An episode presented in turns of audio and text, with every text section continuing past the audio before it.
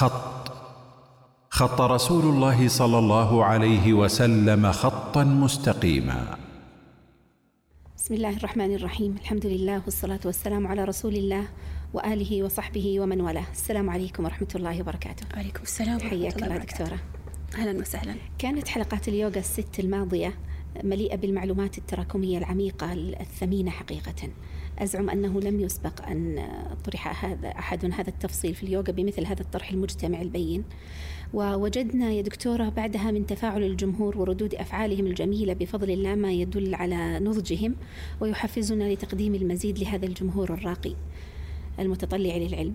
حلقتنا هذا الأسبوع طالما تكرر طلب الحديث عنها من الفضلاء المتابعين ومع أنه موضوع يدخل في مجالات متعددة إلا أنه لا يكاد يتفق الناس على تعريفه مما يكثر الجدل حوله وبالتالي يختلط حقه بباطله بشكل كبير. ماذا تتوقعون حلقتنا اليوم؟ إنه موضوع التأمل. أظنك أيها السامع الكريم تترقب هذه الحلقة منذ الموسم الأول. فما معنى التأمل؟ وما علاقته باليوغا والفكر الشرقي؟ وهل في الإسلام تأمل؟ أو هو دخيل عليه. نعرف بالمصطلح أولا كعادتنا ثم ندخل في عمق التفاصيل. تفضلي دكتورة. طيب بسم الله الرحمن الرحيم. الحمد لله رب العالمين والصلاة والسلام على نبينا محمد وعلى آله وأصحابه أجمعين. آه يعني بداية كما تفضلتي من الحسن أننا نبدأ بالتعريف. وربما بعض الناس يستثقلون يعني فقرة التعريفات لأنها ليست ليست في صلب الموضوع لكنها حقيقة من من الأهمية بمكان خاصة في مثل هذا المصطلح الذي هو مصطلح التأمل. إذا نظرنا إلى مصطلح التأمل سنجد أن أن معناه ممكن أن ينصرف إلى يعني اتجاهين. الاتجاه الأول هو الاتجاه الأصيل في الثقافة العربية والإسلامية والاتجاه الثاني هو الاتجاه الدخيل أو الاتجاه على أقل تقدير آه الذي نستطيع أن نقول أنه وافد. فالتأمل إذا أردنا أن نعرفه نعرفه ابتداء يعني في اللغة العربية سنجد أنه يرجع إلى إلى أصل مكون من ثلاثة حروف الذي هو الألف والميم واللام. وقد عرفه اللغويون بأنه التثبت والانتظار ومنه قول الأمل الرجاء تقول أملته وأؤمله تأميلا. وهذا لما فيه من الانتظار لأن الذي يعني لديه أمل فإنه ينتظر. فالتأمل نستطيع أننا نقول في اللغة هو يدور حول معنى التثبت في النظر.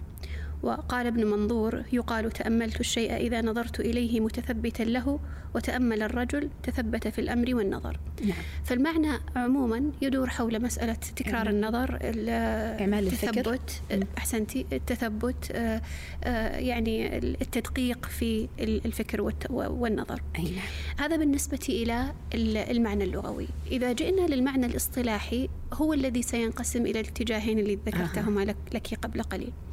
المعنى الأول اللي في الاصطلاح وهذا مع- معنى يعني إجمالي آه، ومختصر جدا آه، فقط حتى تعرفين المفرق الذي تفترق عنده أو يفترق عنده هذين الاتجاهين ال- المعنى الأول الذي هو إعمال الفكر والمعنى الثاني الذي هو تعطيل الفكر آه. وبتلاحظين أنه هذين المعنيين متضادين. متضادين حقيقة ثواني دكتورة من نعم. فضلك أحب أكد هالمعلومة أنه التأمل يطلق ويراد به معنيين كل منهما ضد الآخر صحيح. يعني متعاكسين متعاكسين. هذه مهم جدا الانتباه لها في البداية لنبدأ بالمعنى آه، يعني نبدأ بالمعنى الأول ثم نبدأ ثم الثاني أحسنتي فالمقصود ال- لما يتكلم الناس عن التأمل فإنهم لا يخرجون عن هذين ال- المعنيين فإما أن يقصدوا بذلك إعمال الفكر والتثبت وإعادة النظر وما شابه ذلك أو أن يقصدون بذلك إصمات الفكر وتعطيل الفكر كلية. المعنى الأول هو المعنى الأصيل الموجود في الثقافة الإسلامية واللي موجود في اللغة العربية آه، أصلا. وأما المعنى الثاني فهو المعنى الذي ذكرت قبل قليل أنه يعتبر معنى دخيل أو معنى أو معنى وافد. آه، أولا يعني لما نريد أن نتكلم عن استخدامات الاصطلاح اللي هو اصطلاح التأمل سنجد أنه بالإمكان أن يستخدم التأمل في الاصطلاح الشرعي هذا أول شيء نعم يعني على المعنى الأول على المعنى الأول لا شك ويأتي طبعا بمعنى المعنى اللغوي اللي ذكرناه اللي هو. إعمال الفكر الذي هو. تدقيق النظر نعم في الشيء أحسنتي. وإطالته بغرض التذكر والفهم ويعني التأثر بهذا الذي ينظر إليه ولذلك آه، قال ال- الكفوي قال التأمل هو استعمال الفكر. لكن حقيقة إذا استقرأنا النصوص الشرعية فلن نجد فيما اطلعت عليه بالنسبة للنصوص السنة. أما في القرآن فلم يرد التعبير عن هذا المعنى بكلمة التأمل. أها. قصدك يعني مصطلح التأمل؟ قصدي مصطلح التأمل غير موجود في المصطلحات الشرعية في وإن في كان معناه في اللغة هكذا. نعم وإن كان معناه يعني لا بأس به وقد استخدمه آه، بعض العلماء علماء أهل السنة وبعض السلف في التعبير عن عن بعض المعاني الشرعية لكنه ليس موجود بهذا اللفظ في النصوص الشرعية.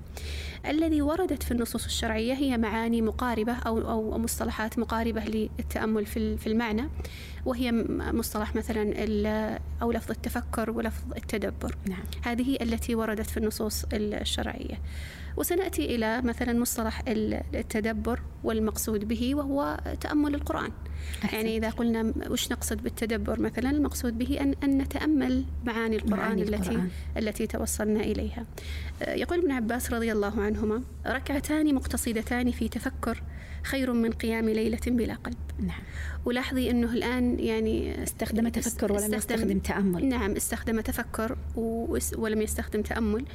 آه، والمراد بذلك أنه الآن تدبر الآيات. نعم. يعني في التفكر الآن الآيات لأن الصحابي رضي الله عنه يقول ركعتان مقتصدتان في تفكر. يعني أن الإنسان يتدبر الآيات التي يقرأها والأذكار التي يذكرها ويمعن النظر فيها وفي معانيها. خير من أن يقوم الليل كله بصلوات وهو قلبه لاهن غير منتبه لهذه المعاني. نعم.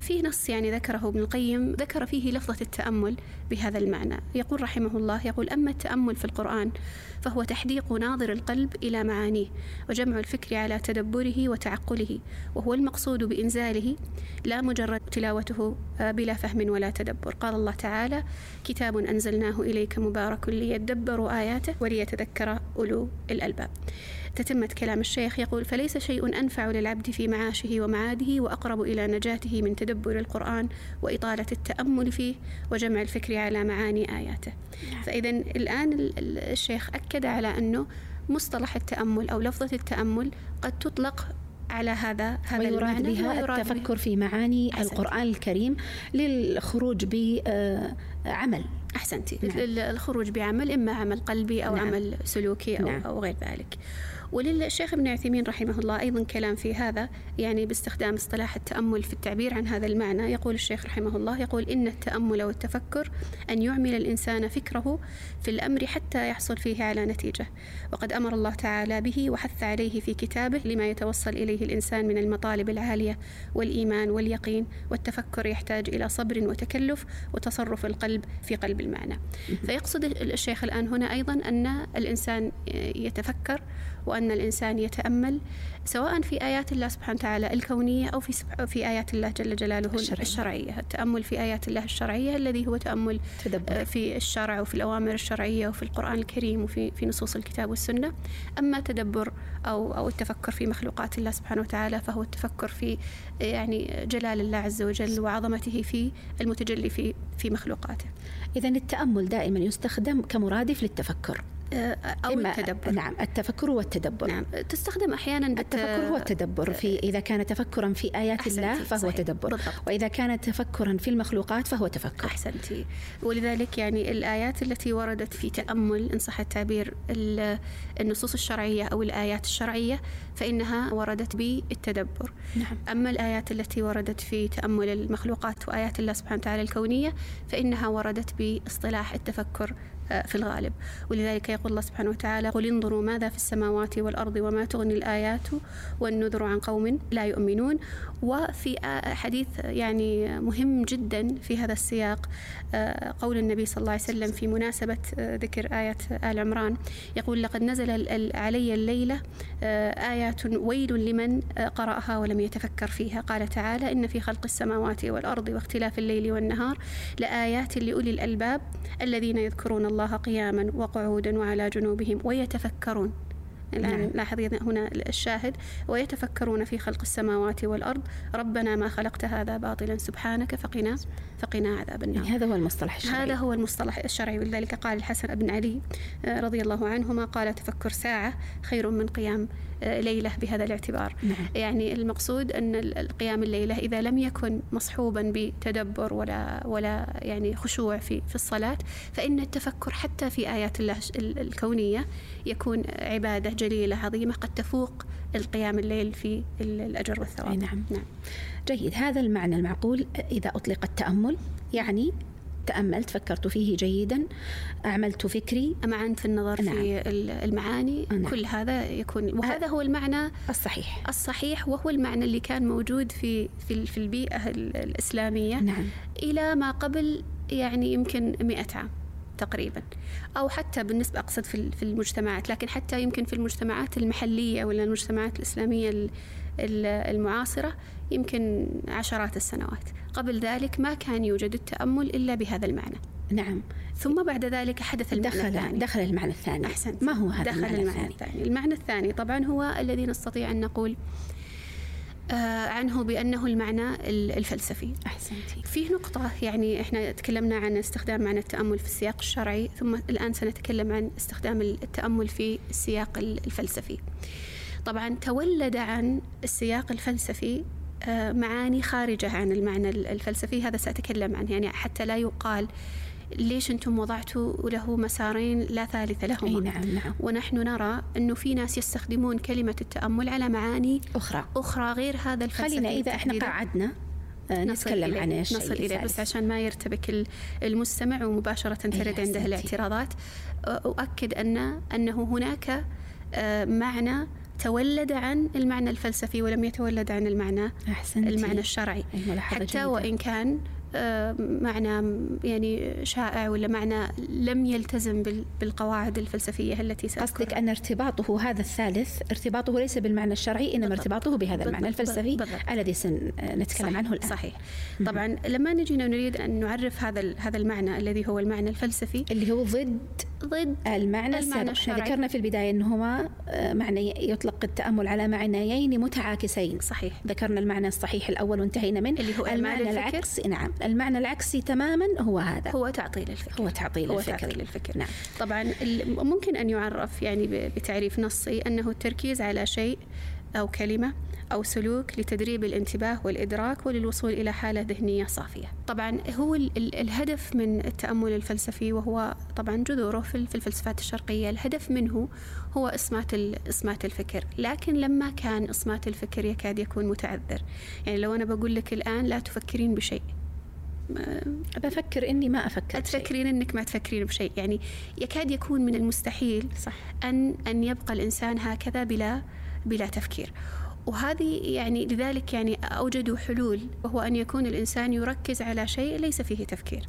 يركز على صوت مثلا ربط.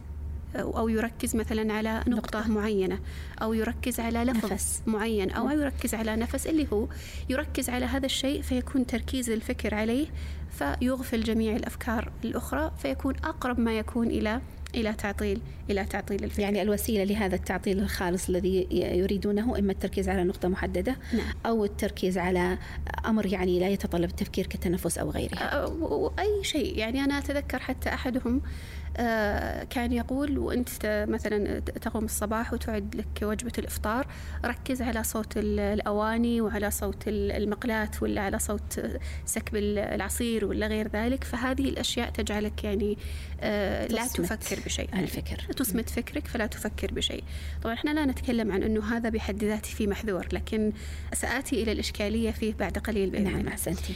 آه، طبعا أنبه إلى أنه في الماضي آه، في في العالم الغربي ولا في الإطار أو في الأوساط غير الإسلامية. التأمل بهذه المعاني أو بهذا التصور عموما الذي هو خليني أنا أقرب المفهوم. أقول لك مثلا اللي يسمى باللغة الإنجليزية ال meditation نعم. لأننا إحنا أحيانا من تختلط الأمور لأننا نترجم اللفظ ترجمنا كلمة meditation إلى تأمل فصار عندنا أصلا مصطلح سابق. موجود سابق وله معاني عندنا في الثقافة الشرعية فأدخلناه تحت مظلة فصار خطأ. عندنا لبس فأنا الحين لما أجي أقول لا يوجد التأمل في السابق عشان أقول لك العبارة لا يوجد التأمل في السابق إلا في إطار ديني. بتقولي لي يرتبك أقصد التأمل بمعنى المديتيشن اللي هو الذي نتكلم عنه التأمل الفلسفي. الفلسفي. لا يوجد خارج الإطار الاعتقادي. يعني ما كان يمارس كوسيلة مثلا لتحسين النفسية ولا وسيلة للعلاج ولا غير ذلك. كان يطبق في إطار ديني اعتقادي غالبا في الديانات الشرقية أو في التيارات الباطنية والصوفية. نعم. فكان موجود هذا لكنه موجود في إطار إطار ديني. مع بداية القرن التاسع عشر حصل شيء من الانفصال وبدأوا يحاولون أن يقدموا هذه التطبيقات اللي هي المديتيشن أو التأمل يقدمونها خارج السياق الديني الاعتقادي في آه، إطار لا ديني أحيانا استشفائي أو علاجي في في علم النفس ولا في ولا في غيره. يعني مقصودك يا دكتور أنه هذا المعنى اللي هو إفراغ التفكير. أو الفكر عن التفكير وتعطيله لا يصح أن يحمل على المقصود شرعا ولا يقال أن إفراغ العقل والجلوس في لحظة تركيز للوصول إلى حالة ما لو إلى حالة هدوء أو استرخاء ليس هذا هو المطلوب شرعا في نصوص التفكر صحيح. ولا يحق لأحد أن يقول الله دعا إلى ذلك مثلا أو أن التأمل مطلب شرعي بهذا المعنى الثاني صحيح إنما المطلوب شرعا هو التفكر بالمعنى الأول بالضبط. الآن قاعدين نتكلم إحنا عن أصل التأمل بالمعنى الثاني الفلسفي أحسنتي تمام. يعني المقصود أنه الآن هذا التأمل بهذا المعنى اللي هو المديتيشن ليس هو التأمل الشرعي. أحسنتي. هذا أولا. ولم يكن ابتداء مستخدم خارج الإطار الديني. أيوة. يعني بس هذه النقطة مهمة لأنه ممكن تقول لك طيب إحنا نستخدم المديتيشن في العلاج النفسي أحيانا نستخدمه في هذا شيء حادث. أحسن. قبل هذا قبل القرن التاسع عشر ما كان هذا موجود. طب أعطينا هذا التسلسل الحادث. نعم. كيف صار؟ كيف وصل إلى هذا؟ يعني نعم لكن المقصود أنه في الماضي ما وجد إلا في الديانات الشرقية وفي التيارات الباطنية والصوفية عند القبالة عند الغنوصية عند الصوفية. لكن طبعا له صور مختلفة في هذه الديانات وهذه التيارات الاعتقادية والجماعات الاعتقادية. فما كان له وجود إلا هنا. فيعني المقصود أنه له بعض الصور اللادينية المستحدثة في العصر الحديث التي توظف أحيانا في العلاج النفسي أو في الاسترخاء ولا في التخلص من التوتر وما شابه لكن أبى أقرأ لك نص ذكروه المايو كلينيك نعم. في الموقع الرسمي تبعهم وأنا أخذته من الموقع حتى المترجم يعني الموقع العربي لما آه، علقوا على التأمل نعم. فيقولون كانت تتم هذا في رأس المقال يقولون كانت تتم ممارسة التأمل منذ آلاف السنين وكان الهدف من التأمل في الأصل هو المساعدة على تعميق, تعميق فهم قوى الحياة المقدسة والصوفية أه. هذا يعني كأنهم يسردون لك التاريخ للتأمل نعم. يقول أما في هذه الأيام يستخدم التأمل عادة للاسترخاء وتقليل الضغط العصبي فهو يستخدم لهذا لكن ترى لما يقولون هو يستخدم اليوم لأجل هذا يعني أنه قد يوجد بعض الأشكال التي يكون هذا هدفها لا يعني أنه التأمل بالأهداف القديمة السابقة اللي هي الأهداف الصوفية الباطنية أنها انقرضت بل نعم. هي لا تزال موجودة وللأسف أحيانا تختلط مع الممارسات التي يراد بها مجرد الاسترخاء ولا يراد آه. بها مجرد التخلص من التوتر وما شابه ذلك. يعني تختلط الاعتقادات الفلسفية بالتأمل في إطاره اللاديني. صحيح صحيح. نعم. طيب ما الغاية من هذه الممارسة في هذه الديانات والاتجاهات الباطنية؟ إحنا الآن نبغى نعرف الغاية عند عند الأصول عند الأصول اللي هي الأصول الباطنية والأصول نعم. الشرقية أليس كذلك؟ مم. نعم طبعا الغاية يمكن إحنا تكلمنا في الفلسفة الشرقية قديما وفي الحلقات المتقدمة وذكرنا نقطة مهمة جدا وهي أنه في الفلسفة الشرقية الأنا أو الذاتية تعتبر عدو الإنسان أي. فيعني هو هدفه في الهندوسية والبوذية وفي الصوفية وغيرها والقبالة وفي الغنوصية. هدفه الرئيس هو أن يتخلص من ذاتيته وأن يدرك يتحد بالمطلق أو بالإله. أن يدرك مطلقيته أو يدرك أنه هو ألوهيته نعم. أو, أو ما شابه ذلك. فإذا الذات هي الحاجز بين الإنسان وبين هدفه الذي هو تحقيق الألوهية. ومن الأشياء التي تعبر عن هذه الذات الفكر.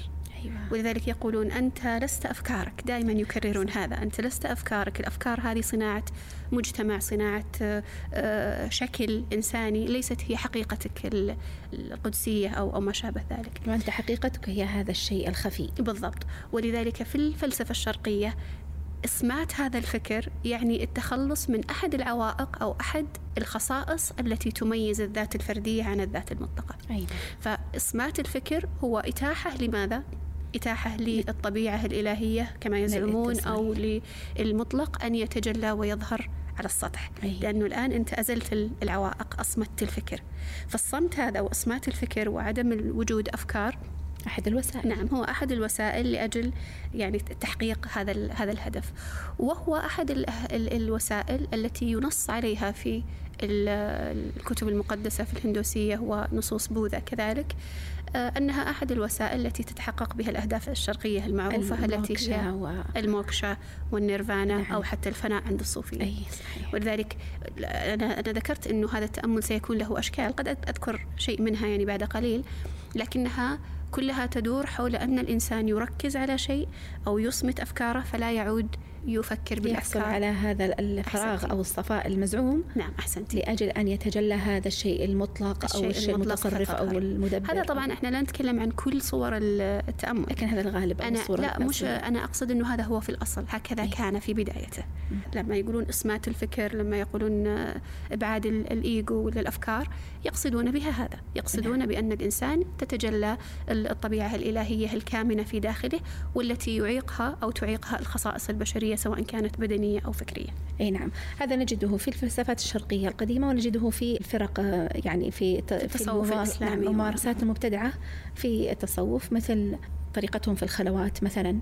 أن يخلو فيصمت أو يردد ذكرا معينا ثم آه، يغيب عن هذا الذكر أحسنتي. تماما حتى يبدأ يردده بقلبه فقط ثم حتى يصمت يغيب عقله نعم. كان شيخ الإسلام يسكر كما أيوة كان يسميها. السكر نعم وهم يسمونه, يسمونه كذا السكر، وهم نعم. يسمونه السكر يعني يعني المقصود به غياب العقل أي نعم. وكأن هذا أمر محمود أو هذا شيء مطلوب لأنه أساسا تكرار هذه الجملة أو الكلمة كلمة واحدة 24 ساعة الواحد يكررها صحيح. يدخل يدخله في حالة ترى يعني فيها نوع من الاضطراب الشديد. صحيح. آه، ثم يبدأ يحس بحالة غريبة جدا. ثم حقا هم يذكرون عن أنفسهم أنهم يتركون تماما هذا الذكر فيدخلون في أن القلب يكرره ثم يزعمون أن الكون يبدأ يردده من حيث لا يشعرون. ثم يغيبون تماما عن وعيهم فيشعرون بهذا التجلي أو أو باتحادهم بصفات الرب جل وعلا أو نحوها من ال- ال- الاعتقادات الفاسدة. صحيح. الآن الفرق بين المعنيين واضح جدا. يعني هذه المقدمة أوجدت مفارقة واضحة بين التفكر الشرعي والتأمل الشرقي. فإذا كان المعنيين مختلفين بهذا الشكل فلا بد أن يكون بين الممارستين فوارق كبيرة. صحيح. وأتوقع المستمع سيستنتج معنا الفرق. نعم. خلينا نسوي مقارنة نوضح من خلالها الفرق بين التأمل الشرعي والشرقي. وأنا هذا يعني آه، هذا الخلط حقيقة بين المصطلحات لأجل التشابه بين اللفظ هو أمر متكرر. يعني مثلا لما نجد شخص يمارس تأملات متضمنة لكثير من المحظورات الشرعية فإذا أنكرنا عليه قال التأمل موجود في الشرع. موجود في الشريعة. هو ممكن يجيب لك نص ابن القيم ولا يجيب لك نص لي أو نص وارد في التفكر أو غير ذلك وكأنها ليس بينهما فرق. هذا خلط بين المعاني. وهذا خلط بين المعاني عند التشابه في المصطلحات. وهذه هذه مشكلة حقيقة. يعني آه، في كثير من الأحيان حصلت بسبب الترجمة. ولذلك أنا أشعر أنه من الأهمية بمكان أننا دائما لما نترجم أشياء جديدة وقد يكون هذا همي وهمك ليس هم الشخص ال- المترجم لمثل هذه الممارسات والتطبيقات أن نميزها عن المصطلحات اللي موجودة في اللغة العربية أصالة. حتى لا تختلط المعاني ولذلك لما يجيني أحد و... وأستنكر عليه مثلا آه، أنه يمارس التأمل على الطريقة الشرقية. مم. على الطريقة الشرقية وبالأهداف والغايات الشرقية آه، أن يحتج علي بأن التأمل والتفكر هذه موجودة ومضمنة في الشريعة الإسلامية آه، قبل أن نبدأ نحن بتطبيقها بهذا الشكل أيوة. أريد أن أميز تمييز واضح وبين بين التأمل الشرقي وبين التأمل إن صح التعبير الشرعي نعم أحسنتي في فرق كبير وواضح في الأصول وفي الغايات وفي الممارسة ذاتها ممتاز. أول شيء أن أظن هذا واضح من خلال التعريف أي نعم. أن التأمل الشرقي إنما هو إسمات للفكر صحيح يعني تعطيل. أن الإنسان تعطيل للفكر أن الإنسان لا ي- لا يفكر لا يستثمر عقله أي نعم. وإنما يقاوم التفكير ويقاوم العمليات الفكرية والعقلية بينما في التأمل الشرعي والتفكر إعمال الشرعي. ونظر و... لا شك. بل لا يمكن أن يتأمل ويتدبر وإلا من كان له عقل. نعم.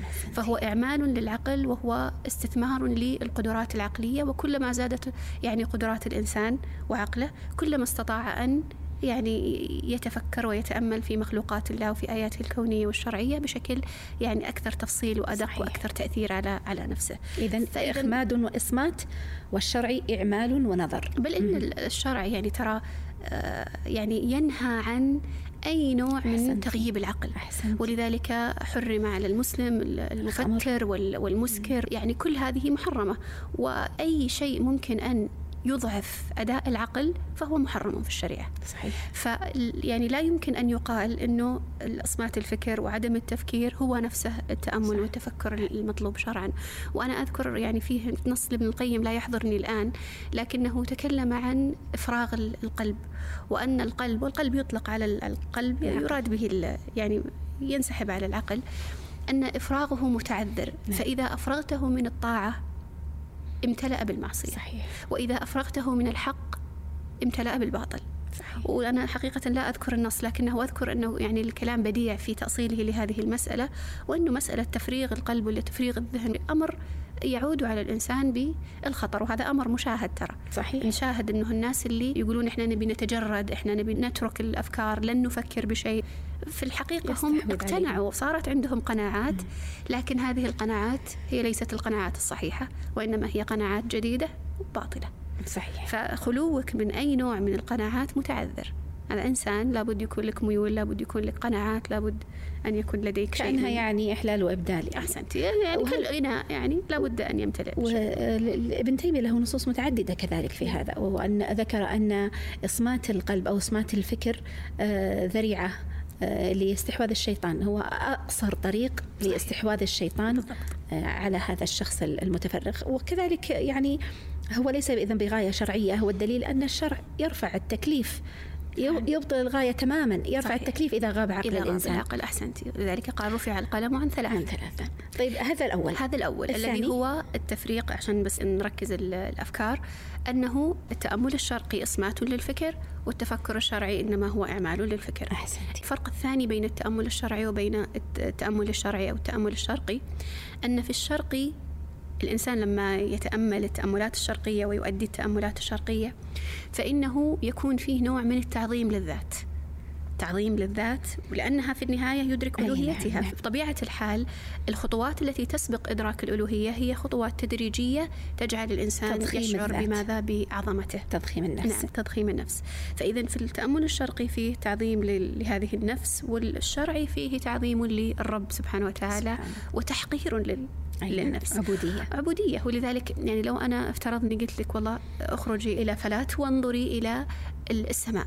وش الشعور الذي ينقدح في قلبك وفي سأسبح الله وأعظمه وأقول هذه مخلوقاته فكيف به جل وعلا؟ جل وعلا بتشعرين في نفسك بالاحتقار للنفس أمام هذه المخلوقات العظيمة أمام عظمة الكبيرة جل جلاله. وعظمة الرب جل جلاله الذي أوجدها وخلقها. فإذا كنت أنا بهذا الصغر المتناهي أمام هذه الأكوان وأمام هذه الكواكب والمجرات فما أنا أمام رب العالمين سبحانه وتعالى؟ فإذا هذا النوع من التأمل يشعرك بهذا. التفكر الشرعي. نعم يورث تعظيم الله عز وجل في القلب نعم. وبالتالي الخضوع له في العبادة والتضرع والتوكل والتعلق به سبحانه وتعالى والبراءة من الحول والقوة يعني يثمر ثمرات عظيمة. عظيمة.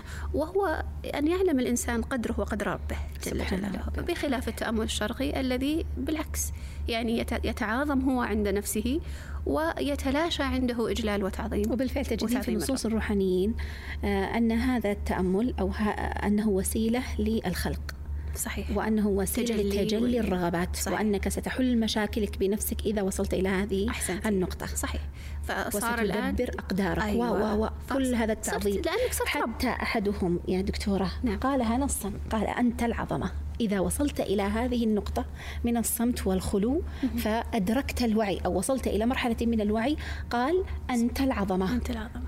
حقا هو تضخيم تضخيم وإنما هو آه، يعني كبر ينفشه الشيطان في قلب العبد. لا نعم. شك وهذا هذا فرق فرق كبير جدا بين التفكر الشرعي وبين والتأمل الشرقي أو الروحاني. التأمل الشرقي. ولذلك لو خرج أحد وصار يتأمل في مخلوقات الله ما يمكن يصل إلى النتائج التي يصل إليها ولا يقال هذا مثل هذا. صح أحسنت. بل الفرق بينهما كبير والبون شاسع. أحسنت. لا يمكن أن يقارن بين الأمرين. النقطة الثالثة في التفريق بين التأمل الشرعي والشرقي حقيقة النتيجة التي تنتج عنه في التأملات الشرقية الصلة وهم دائما يذكرون هذا يذكرون أن التأمل الشرقي المديتيشن أو الذي يمكن أن يكون بصور آه، معينة تأمل تجاوزي ولا يوغا ولا غيرها لكنها في النهاية تأملات.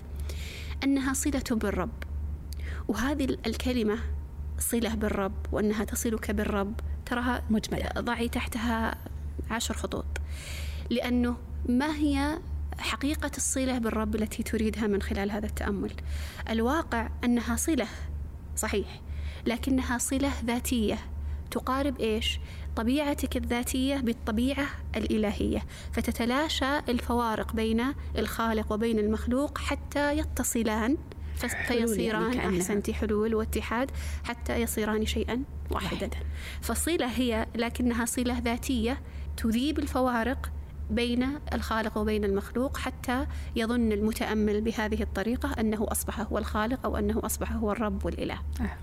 فهذه الصلة الناتجة عن التأمل. صلة فلسفية. فلسفية الحادية حقيقة نعم. كفرية لا شك في ذلك. اللي يعتقد أنه يمكن أن يكون من خلال التأمل أنه أن يصبح هو والإله شيء واحد لا شك. أن هذه عقيدة كفرية عند جميع الملل السماوية. أو يتصف بصفات الإله. أو يتصف بصفات الرب. وحنا ترى دائما نستخدم كلمة إله.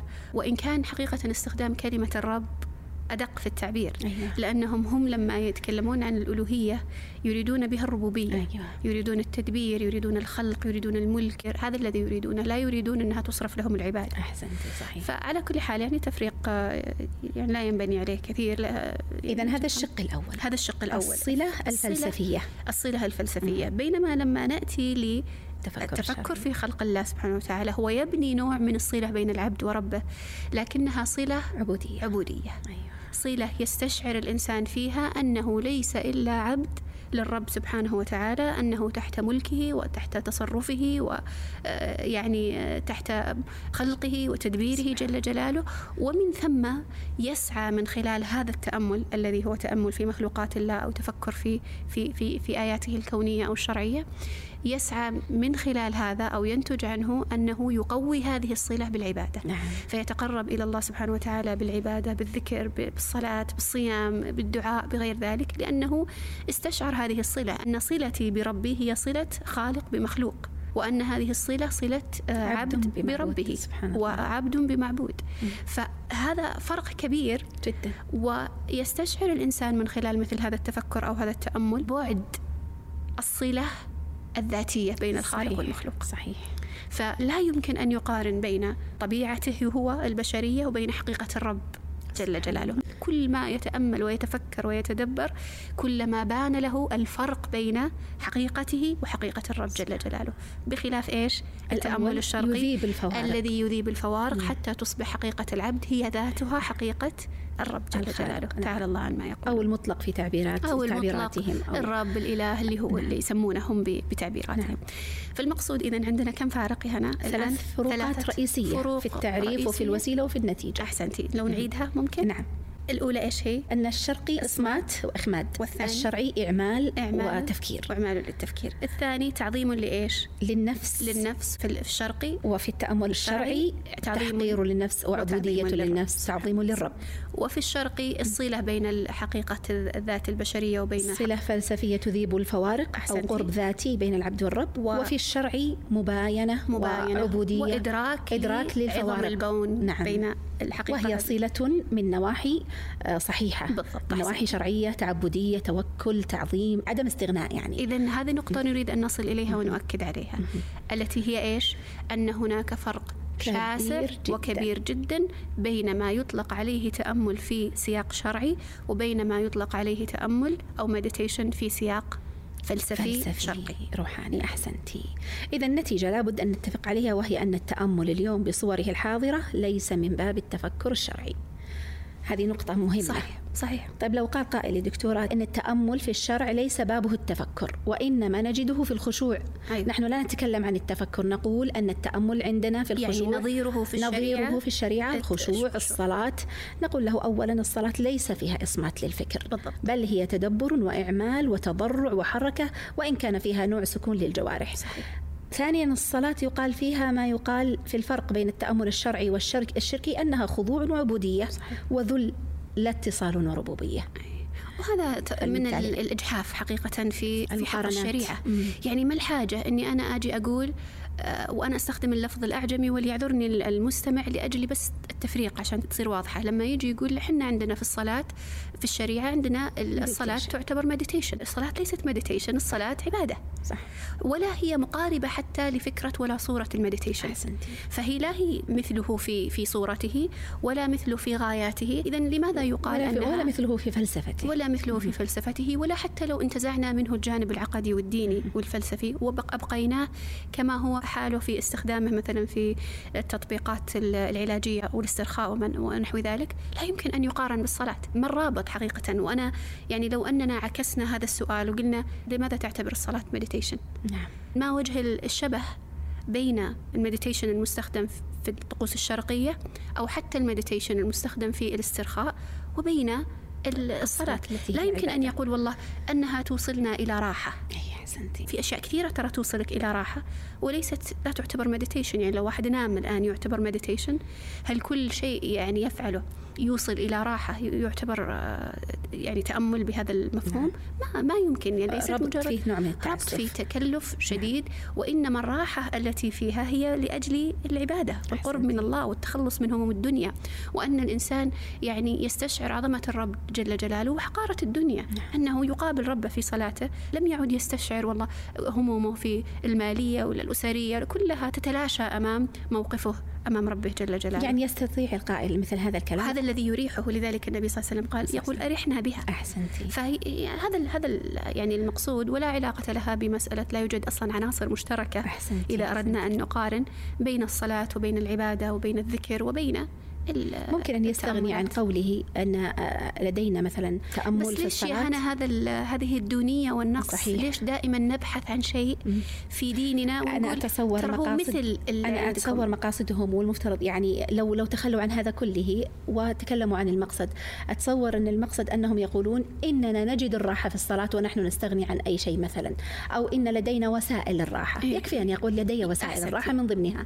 الصلاة ولا يقول أن الصلاة هي كاليوغا أو كتأمل أو ك... أحسنتي. وهذا بمناسبة اليوغا برضو كذلك يعني لا لا يحسن المقارنة بي بينها وإلا لكن يعني نقول عندنا في ديننا غنية. أحسنتي. وعندنا في ديننا وفرق كبير ترى بين المقارنة نعم. وبين الاستغناء. صحيح. طيب دكتورة أنت ذكرتي قبل قليل أن التأمل طقس ديني مختلف عن التفكر. فهل التأمل لا زال محصورا في إطار الديانات الشرقية؟ وماذا عن التأمل الذي نرى البعض يمارسه اليوم في إطار غير ديني؟ طيب أه، بس أبنبه إلى شيء أنه لما نقول أنه الآن أصبح يطبق في إطار غير ديني هذا لا يعني بالضرورة أنه انفصل حقيقة عن الجوانب الاعتقادية.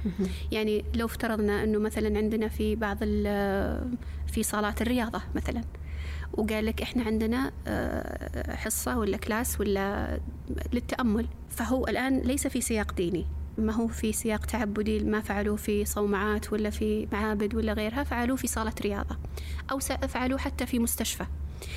هذا لا يعني كونه يطبق في مكان ما لا يعني أنه بالضرورة منفصل أيوة. عن الجانب العقدي بل ربما والأسف في كثير من الأحيان تبقى هذه الشوائب الإعتقادية فيه. يعني هذا مثل اللي يقول لك ما دامه الشيء ينباع في الصيدلية أيوة. معناته طبي. أيوة. ليس بالضرورة. يعني ممكن تلاقين أشياء خرافية أحيانا تباع في الصيدليات. أو أنه لأنه يباع في مكة فإنه إسلامي ديني أو نعم. ديني أو منضبط بالضوابط الشرعية. ليس بالضرورة. فهذا ليس ضابطا أنك تقول أنه يطبق خارج الإطار الديني أنه لم يبقى فيه أشياء من الشوائب الدينية. لكن يعني طبعا مثل ما ذكرت قبل قليل ذكرنا أنه التأمل كان موجود في إطار ديني ثم إنه إيش؟ ثم خرج إنه من سياقه بدأ في القرن التاسع عشر أنه محاولات لفصل فصل التأمل عن المعتقدات. نعم. ما الغرض من هذا الفصل طيب طبعا هو في الغالب في الغالب استخدامه خارج الإطار الديني يعني لما نقول خارج الإطار الديني يعني مش في في معرض عبادات ولا في طقوس وإنما يستخدم للأجل الاستشفاء أو الاسترخاء أو الراحة. أينا. لأهداف ليست أهداف عقدية في الأصل. في الغالب حقيقة الذين استخدموا المديتيشن في الغرب كانوا من رواد حركة العصر الجديد أحسنتي هذه نقطة مهمة أي. جدا فكانت تطبق وإن كانت لا تستخدم لتحقيق الأغراض الدينية بالضرورة كغرض هدف رئيس لكنها تستخدم للاسترخاء ولا للراحة ولا غير ذلك لكنها في كثير من الأحيان تتضمن الفلسفة تتضمن الفلسفة ما تكاد تنفصل عنها. وهذا مثال عليه ما يعرف بالتأمل التجاوزي Transcendental Meditation المهريشي يوغي أي. هذا نموذج لأحد صور التأمل التي أراد منها صاحبها طبعا أراد منها زورا وباطلا أن يظهرها على أنها لا دينية. مع ترى تمرر من خلالها يعني تمرر من خلالها الفلسفة. أي تظهر بمظهر غير ديني صحيح. وتمرر مبطنة الفلسفة صحيح؟ ويعني بالمناسبة كنت يعني الأيام اليومين السابقين بسبب ال- الجدل حول اليوغا وما شابه كنت أشاهد كثير من المقاطع للهندوس الذين يتكلمون عن عن اليوغا وعلاقتها بالهندوسية وما شابه فحقيقة مر معي أحد المتحدثين من الهندوس ينتقد المهاريشي مهاريشي يوغي.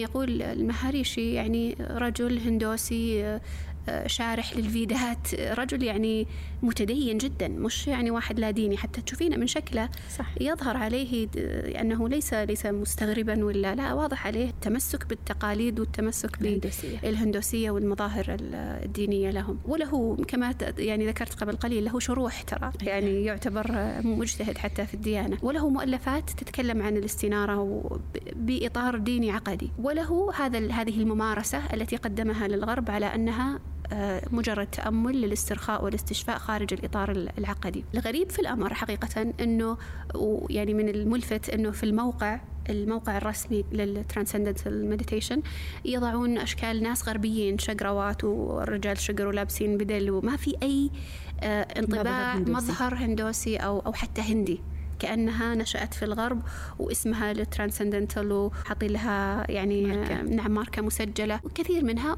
وقدمت على أنها لا دينية لا علاقة لها بالدين. وهناك يعني آه، يعني زي التبرئة أو ال disclaimer اللي يحطونه في بداية إنه ترى ما لها علاقة بأي نوع من الأديان. لما تدخلين في حقيقة التأمل التجاوزي بتجدين إنه مستوحى من الفلسفة الهندوسية بشكل طبق الأصل. طبق الأصل. بل إنه حتى يستخدم المانترات. المانترات في الهندوسية يستخدمها في وهذه الكلمة السر اللي يستخدمها يعني هي تعتبر الشيء المميز وهناك ما يسمى بالبوجا اللي هي تعتبر مراحل التأهيل التي يوضع فيها صور لمشايخ ال- المهاريشي الهندوس. وتحط عنده وردة ومنديل وتحط كذا يعني فيها طقوس حقيقة لا علاقة لها بالغرب في أصله وإنما هي مستوحاة لا شك منه. ولذلك كان هناك تحرك آه، كبير في الغرب لأجل منع ال Transcendental Meditation من الترويج له على أنه لا ديني أو تطبيقه في المدارس الحكومية لأن المدارس الحكومية علمانية لا دينية ومثله كذلك اليوغا. على كل حال أقصد أنه حتى لو قدمت هذه الممارسات على أنها لا دينية في كثير من الأحيان لا تخلو من وجود شوائب فلسفية باقية فيها قد لا تكون شوائب قد تكون أشياء أصلية بس حسنت صحيح ويقولون لك يعني يعني المقصود بها التخلص من الهموم البشرية بحيث تتحد مع الطبيعة ويعني يغيرونها شوي يغيرون يقول الطبيعة يقول لك. الروح يقول لك. عشان يحسنون نوعا ما يحسنونها بك. يمكن اللاديني ما عنده مشكلة يتحد مع الطبيعة إيه. لكن بتقول له بتتحد مع البراهمن أو بتتحد مع الإله شوي يمكن يعني تظهر المعايب في هذه يعني والمفترض. الممانعة تكون عندنا بشكل أكبر وأشد. الحقيقة هذه الآن مقدمة جيدة جدا تسلسل متميز لكن نحن الآن لازلنا على المدخل. آه، سندخل للممارسات الحديثة ونفرق بينها وبين هذه الأنواع التي يمارسها الناس وننظر ما الإشكال فيها أو النوع الثالث اللي ذكرتيه في, المو... في البداية؟ نعم. طيب هذا لعلنا إن شاء الله تعالى آه، نجعله في الحلقة القادمة. بإذن الله عز وجل نتكلم عن أنواع التأمل المنتشرة اليوم ونتكلم كذلك عن ماذا عن ممارسة التأمل بمعزل عن ال- يعني هل هل هي حقا بمعزل عن الأثر الروحاني؟ والتطبيقات ال- آه، وبعض الشبه التي تثار في هذا الموضوع. آه، نعيدكم إن شاء الله تعالى في الحلقة القادمة أن نستوفي ذلك. سبحانك اللهم وبحمدك أشهد أن لا إله إلا أنت أستغفرك وأتوب إليك. السلام عليكم ورحمة الله وبركاته. عليكم السلام.